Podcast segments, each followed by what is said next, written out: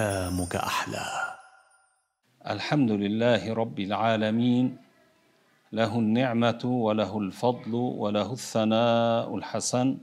صلوات الله البر الرحيم والملائكة المقربين على سيدنا محمد وعلى آله وصحبه الطيبين الطاهرين الميامين. اللهم علمنا ما جهلنا وذكرنا ما نسينا وزدنا علما ونعوذ بك من حال أهل النار. ما زال كلامنا على بعض المعاملات التي هي محرمة في الشرع.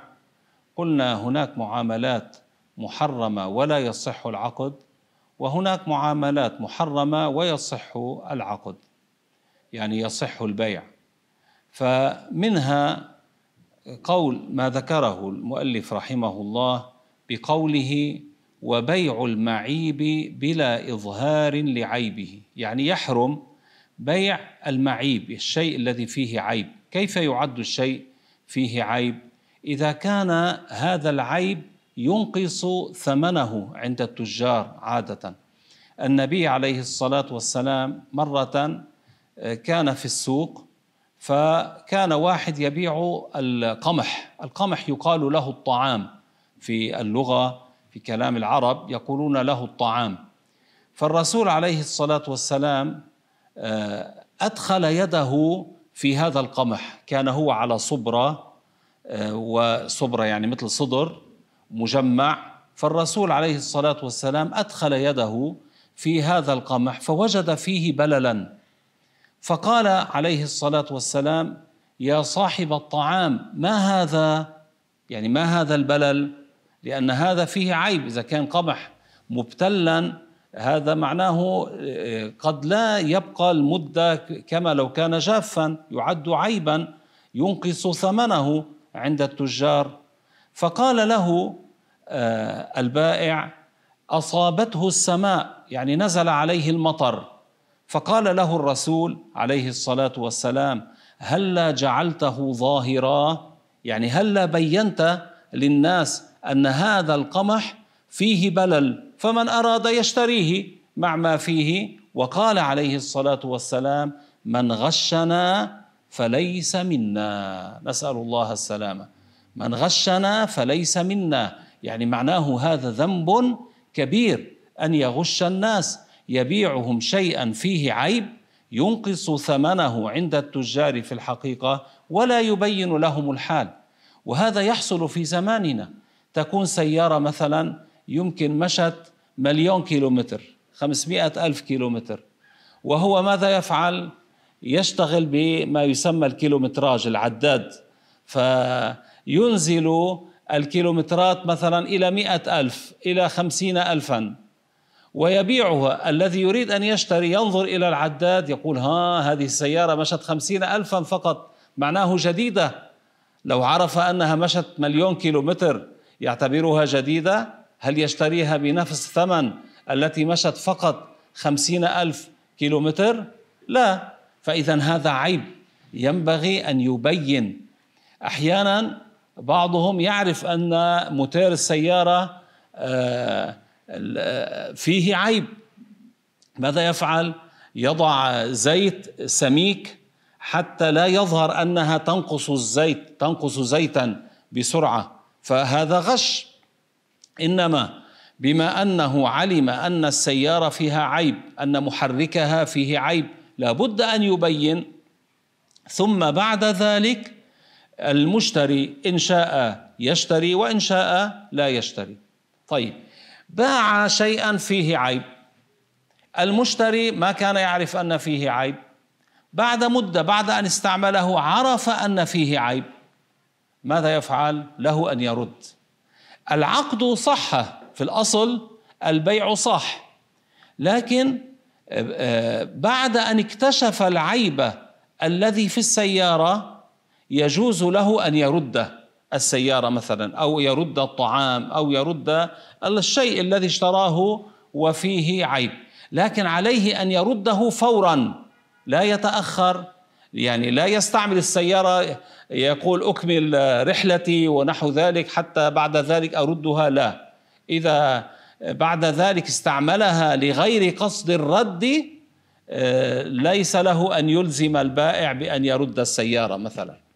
فإذا فورا اشترى لنقل آه، صالون آه، كنبايات كراسي اكتشف فيها عيبا.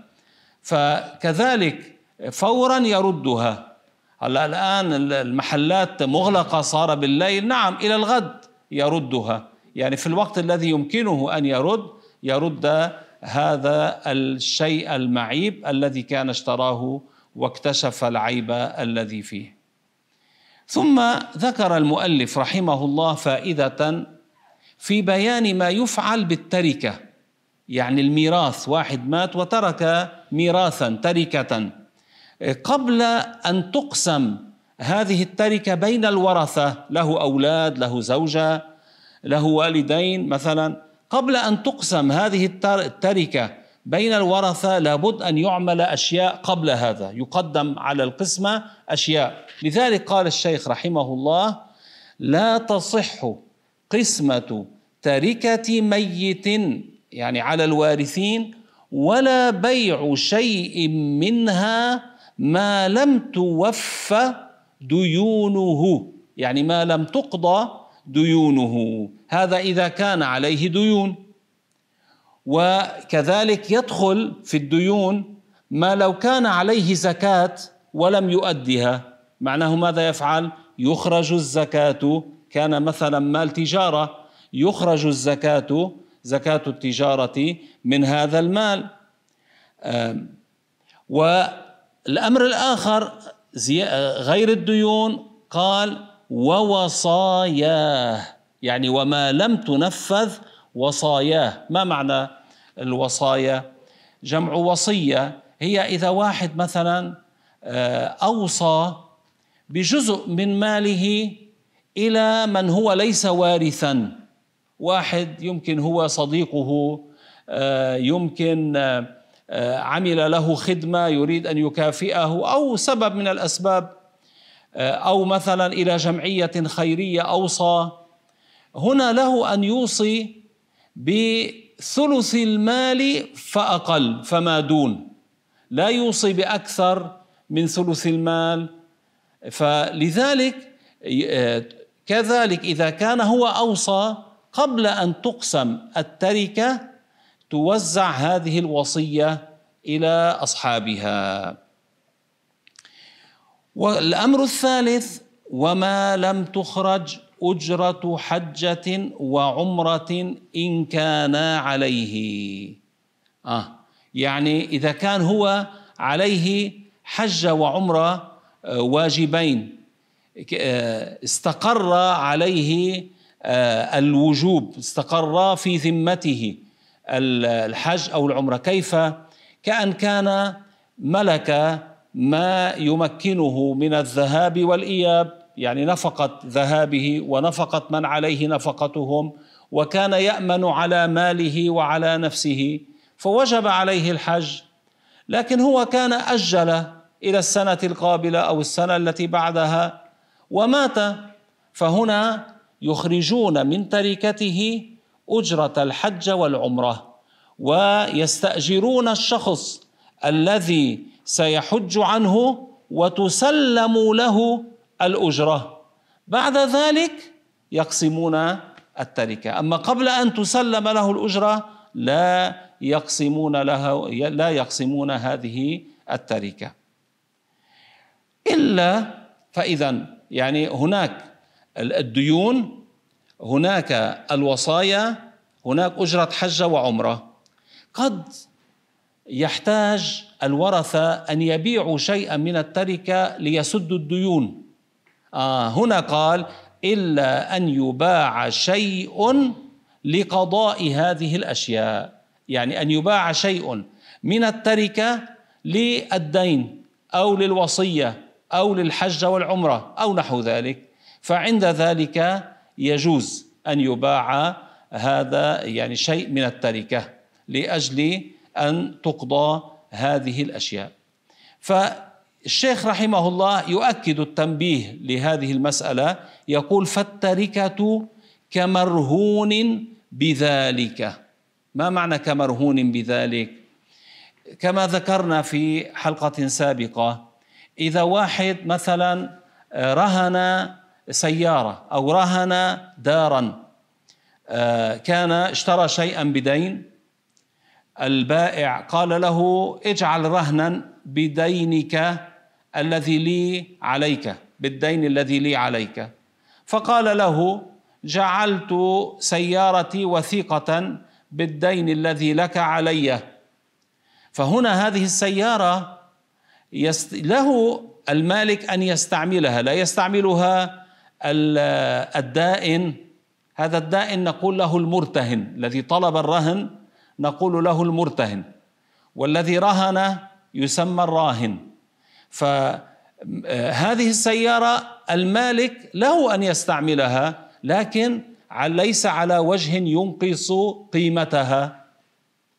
الدار رهن دارا مثلا له أن يستعمله يبقى ساكنا فيه. ليس يستعمله المرتهن. يستعمل الرهن على وجه لا ينقص ثمنه. يمكن رهن حليا. ذهبا أو نحو ذلك يستعمله. على وجه لا ينقص قيمته لكن ليس له أن يبيعه إلا لمصلحة الدين. ليس له أن يهبه إلا لمصلحة الدين. فاذا الرهن الرهن وثيقة بالدين فلا يباع ولا يوهب إلا لمصلحة الدين. كذلك التركة. التركة وثيقة بقضاء هذه الحوائج التي هي الدين أجرة الحج والعمرة والوصية. فتكون مرهونة بذلك يعني إلى أن يعني كالمرهونة بذلك إلى أن تقضى هذه الأمور بعد ذلك تقسم بين الورثة. ف آه، لذلك قال الشيخ فالتركة كمرهون بذلك. فكما أن المرهون لا يجوز التصرف فيه بما يزيل الملك قبل قضاء الدين الذي رهن به إلا أن يكون بيعه لقضاء الدين فالتركة كذلك. ثم ذكر الشيخ رحمه الله مثالا آخر لما لا يصح بيعه حتى تؤدى الحقوق المتعلقة به حتى يزيد تقريب المسألة لفهم الطالب. فقال كرقيق جنى يعني واحد عنده عبد مملوك أتلف جنى أتلف مال شخص. ولو كانت جنايته بأخذ دانق يعني سدس درهم يعني شيء قليل أتلفه. فهنا لا يصح لمالك هذا العبد أن يبيعه حتى يؤدي المالك ما برقبة هذا العبد. يعني أن يرد مثلا أن يدفع الأرش يعني يدفع ما نقص من قيمة المتلف مثلا آه، أو يدفع قيمة المتلف. يعني على حسب إذا كان فقط نقص وليس تلف تلفا تاما أو إذا تلف تلفا تاما. ف لا يصح بيع هذا العبد حتى يؤدي ما المالك ما برقبته أو يأذن الغريم في بيعه. فحينئذ يصح أن يبيع. والغريم من هو؟ يعني صاحب المال الذي أتلفه الرقيق.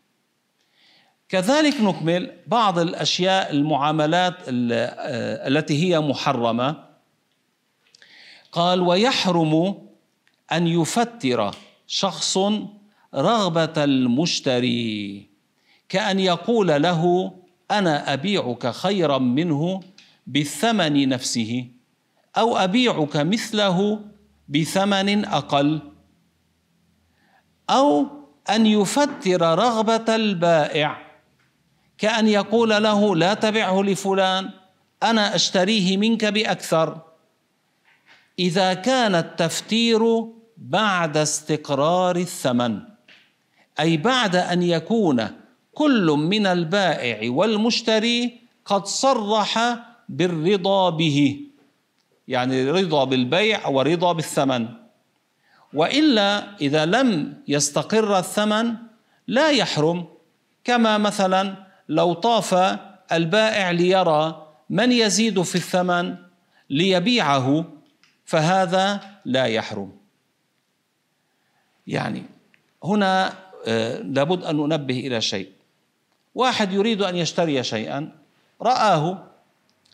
لكن بعد ما اتفق مع البائع على أنه سيشتريه آه، على أنه وافق على شرائه ما استقر؟ فواحد كان معه قال له لا تشتري. آه، مثلا قال له أنا أبيعك بأرخص. وكان ذاك بعد ما استقر معه على أنه سيشتري منه. هذا لا يحرم. هذه واحدة. اثنين قد يكون الذي معه يقول له لا تشتري تجد أرخص. وليس هو يريد آه، أن آه، يبيعه أو أن يشتري منه. هنا يجوز لأنه هنا ليس يفتر رغبته حتى هو يبيعه حتى هو يبيع يبيعه لا. إنما هو يفتر رغبته هكذا أنه لا تشتري. هذا ليس حراما. يمكن أن يكون هو يريد مصلحته مثلا أن لا يشتري الآن مثلا أو أو سبب من الأسباب الأخرى. فاذا متى يكون تفتير رغبة المشتري أو البائع آه، محرمة أمران. إذا كان حصل السوم يعني حصلت المفاوضة واستقر استقرت المفاوضة والذي يفتر يريد هو أن يبيعه أو هو أن يشتري منه فهنا يكون محرما. لأن هذا يؤدي إلى النزاع إلى العداوة. أما إذا كان ليس هو يريد أن يشتري أو يبيع يعني يفتر همته ليس ليشتري هو أو يبيع منه هذا لا يحرم. فإذا سأعيد قراءة هذا حتى يتضح الأمر أكثر. يعني يحرم أن يفتر شخص رغبة المشتري. كأن يقول له أنا أبيعك خيرا منه بالثمن نفسه أو أبيعك مثله بثمن أقل أو أن يفتر رغبة البائع. كأن يقول له لا تبعه لفلان أنا أشتريه منك بأكثر. إذا كان التفتير آه هذا الشرط بعد استقرار الثمن. أي بعد أن يكون كل من البائع والمشتري قد صرحا بالرضا به. وإلا إذا لم يستقر الثمن بعد لم يصرحا بالرضا فلا يحرم. مثال على ذلك لو طاف ليرى من يزيد في الثمن ليبيعه فلا يحرم. يعني أو مثل مثلا ما يسمى بالمزاد مزاد العلني. يعني واحد يقول فلان يشتري بعشرين من يزيد؟ واحد يقول أشتري بثلاثين من يزيد؟ يقول أشتري بأربعين. هذا يجوز هذا ليس محرما. وكذا لو كان المفتر كما ذكرت لا يريد شراء السلعه من البائع ولا بيعها للمشتري يعني كذلك في هذه الحال لا يحرم عندئذ أن يفتر رغبة البائع أو المشتري. ف آه، وقوله ليبيع المفتر عليه يعني آه، على المشتري وهذا في الصورة الأولى لذكرناها أو ليشتريه المفتر منه يعني من البائع في الصورة الثانية. وهنا ذكرنا المسألة آه، التي هي أن يفتره وقبل أن يحصل عقد البيع. الآن المسألة الثانية لنقل حصل عقد البيع. يعني اشترى آه، هذا الغرض ولكن ما زالا في مدة الخيار. آه، ما معنى مدة الخيار؟ أنا اشتريت مثلا كتابا. وما زلت في المجلس بكم هذا الكتاب بعشرة ألاف نظرت فيه فتحت الصفحات رأيته قلت له اشتريته مثلا مثلا بعشرة آلاف. ولكني ما زلت في مجلس العقد ما زلت في الدكان في المكتبة. طالما أنا في مجلس العقد لي الخيار أن آه، أمضي العقد يعني خلص اشتريت ألتزم أو لي الخيار أن أرد الكتاب. يعني وأنا في المجلس لو قلت للبائع ما عدت أريد هذا الكتاب رددته لك آه، لي هذا. يعني لا يقول لي البائع آه، البضاعة التي تباع لا ترد ولا تستبدل لأني ما زلت في مجلس الخيار. آه، يعني ما زلت ما زلت في مجلس العقد فلي خيار المجلس. فلي أن أرد الكتاب. طيب. فاذا أنا في حال خيار المجلس واحد قال لي لا تشتري أنا عندي كتاب أبيعك بأرخص. وكنت أنا أجريت العقد. يعني كنت قلت له اشتريت هذا الكتاب مثلا بعشرة آلاف. ذاك قال لي افسخ العقد. أنت بالخيار افسخ العقد أنا أبيعك بأرخص. هذا كذلك حرام. المسألة الأولى في حال السوم على سوم أخيه. يعني حصل الاتفاق لكن بعد ما حصل العقد. وقد يكون هناك خيار الشرط. يعني اشتريت أنت الغرض آه وقال لك البائع أنت بالخيار إلى ثلاثة أيام أنت بالخيار إلى يوم أنت بالخيار إلى يومين. فأخذت هذا الغرض لك أن ترده خلال هذه المدة. لا يكون الخيار أكثر من ثلاثة أيام فلك خلال هذه المدة أن ترده. فواحد قال لك افسخ العقد أنا أبيعك بأرخص مثلا. أو قال للبائع افسخ العقد يعني قد يكون الخيار من الجهتين يقول ونحن بالخيار إلى ثلاثة أيام مثلا.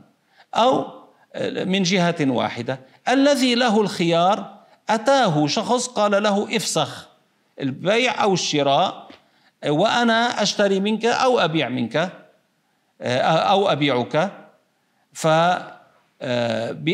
يعني بما هو يرغبه أكثر. فهنا حرام كذلك. هذا في مدة الخيار.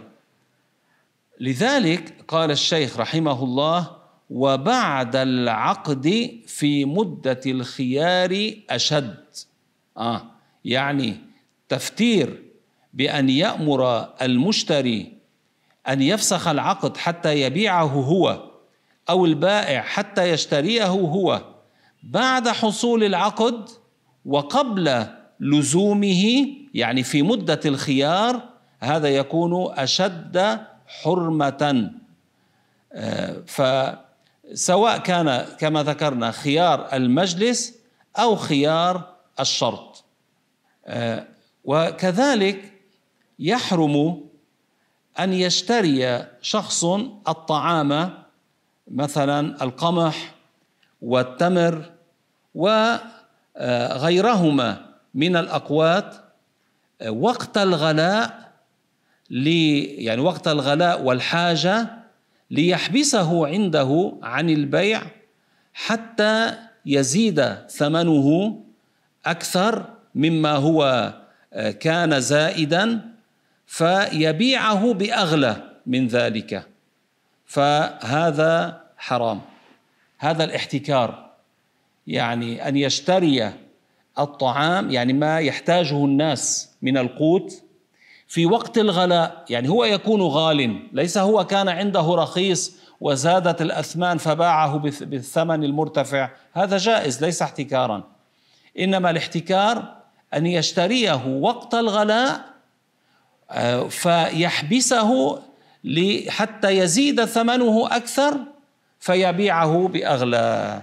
فهذا حرام لأن هذا يضر بالناس.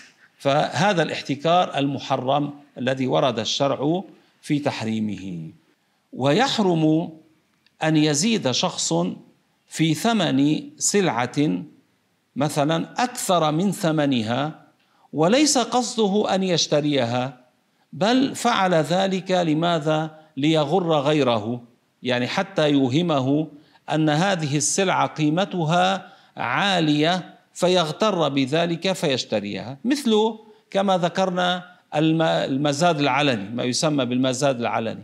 أحيانا بعض الناس آه، يتفقون مع أشخاص أن يذكروا مثلا واحد يقول أبيع هذه فلان يشتريها بعشرين فيأتي واحد بالاتفاق يقول أنا أشتريها بثلاثين يزيد حتى يأتي غيره يقول أنا أشتريها بأربعين حتى يزيد الثمن. ثم ذاك يقول أنا أشتريها بخمسين حتى ذاك يزيد أكثر. يقول مثلا بستين ثم يزيد. حتى يظن ذاك هو أن هذه ثمنها عال فيرفع بالثمن. هذا حرام هذا النجش الذي نهى عنه رسول الله صلى الله عليه وسلم. فهذا محرم. الآن ذاك اشترى لنقل مثلا بستين بسبعين بمئة صح البيع لكن المعصية على البائع الذي اتفق مع ذاك ليغر هذا المشتري. وكذلك معاملات عدة تحصل مثل أن يخون في الكيل والوزن والذرع. مثلا تجد بعض التجار يكذبون يحلف أن هذه برأس المال يبيعها وأن هذه بالرخيص يبيعها وهو ليس كذلك. فهذا يعد كذبا يعد تدليسا حرام. لنقل باع يصح البيع لكن مع المعصية. ف آه، وكثير من المعاملات تحصل في زماننا وحتى بعض الناس قد يحلف بطريقة يعني يقول مثلا علي الطلاق أن أن رأس مالها أن رأس مالها كذا. آه، ولا يكون رأس مالها كذا. فهنا تطلق زوجته. فلذلك كذلك ينبغي التنبه لمثل هذه الأمور. الخلاصة على مريد رضا الله سبحانه وتعالى آه، وسلامة دينه ودنياه عن الحرام أن يتعلم من علوم الدين ما يحتاج إليه حتى يعرف ما يحل له وما يحرم عليه من المعاملات قبل الدخول فيها ويكون هذا تلقيا من عالم ورع يخاف الله تعالى يكون ناصحا شفيقا على دين طالب العلم. يعني يتعلم من عالم ورع ناصح شفيق على دينه. فإن طلب الحلال يعني آه، ترك تناول أسباب المعيشة من طريق الحرام فريضة على كل مسلم. هنا طلب الحلال ليس معناه أنه فرض مطلقا الواحد أن يذهب ويعمل ليحصل المال لا. على حسب حال الشخص قد يكون عليه نفقة واجبة فهنا عليه أن يسعى جهده ليحصل النفقة يعمل ليحصل المال إن لم يكن عنده مال. وقد لا يكون عليه نفقة واجبة إنما عنده ما يحتاجه. هنا لا نقول فرض عليه أن يعمل ليحصل المال لا. آه، النبي عليه الصلاة والسلام أتى إليه رجل يشكو أخاه. أخوه كان متفرغا مع النبي عليه الصلاة والسلام يتعلم من النبي عليه الصلاة والسلام ويشتغل بالعبادة. فأتى الأخ يشكوه يقول يا رسول الله إن أخي لا يحترف معي يعني لا يعمل معي بالحرفة ليحصل المال. فماذا قال له النبي عليه الصلاة والسلام؟ الرسول يعرف حاله أنه لا يجب عليه العمل آه، لأنه ليس عليه مثلا نفقة واجبة أو نحو ذلك. فماذا قال الرسول عليه الصلاة والسلام؟ قال له دعه فلعلك ترزق به. دعه فلعلك ترزق به. كيف يوجد في بعض البلاد يفرغون بعض من يسمونهم علماء هذا عالم بالذرة هذا عالم بالفيزياء هذا عالم بالكيمياء يفرغونه لا يحوجونه أن يعمل لطلب لأمر المعيشة إنما هم يكفونه حتى يكتشف الاكتشافات ويقوى بالتكنولوجيا ونحو ذلك لأجل ما غاياتهم وأهدافهم في في بعض البلاد. أليس يفرغونه لهذا؟ بالأولى أن يكون هناك من يتفرغ لخدمة الدين ليتمكن بعلوم الدين فيعلم الناس المسائل التي يحتاجون إليها حتى يعرفوا الحلال من الحرام. إذا لم يتفرغ أناس لهذا كيف يتمكنون في علوم الدين. فلذلك الأمر فيه تفصيل. طلب الحلال فريضة على كل مسلم معناه أن لا يدخل في أمر محرم هو يريد أن يحصل به المعيشة. أمر المعيشة يريد أن يحصل به مالا آه، عليه أن يترك الدخول في مثل هذا. هذا هذا معنى طلب الحلال فريضة على كل مسلم.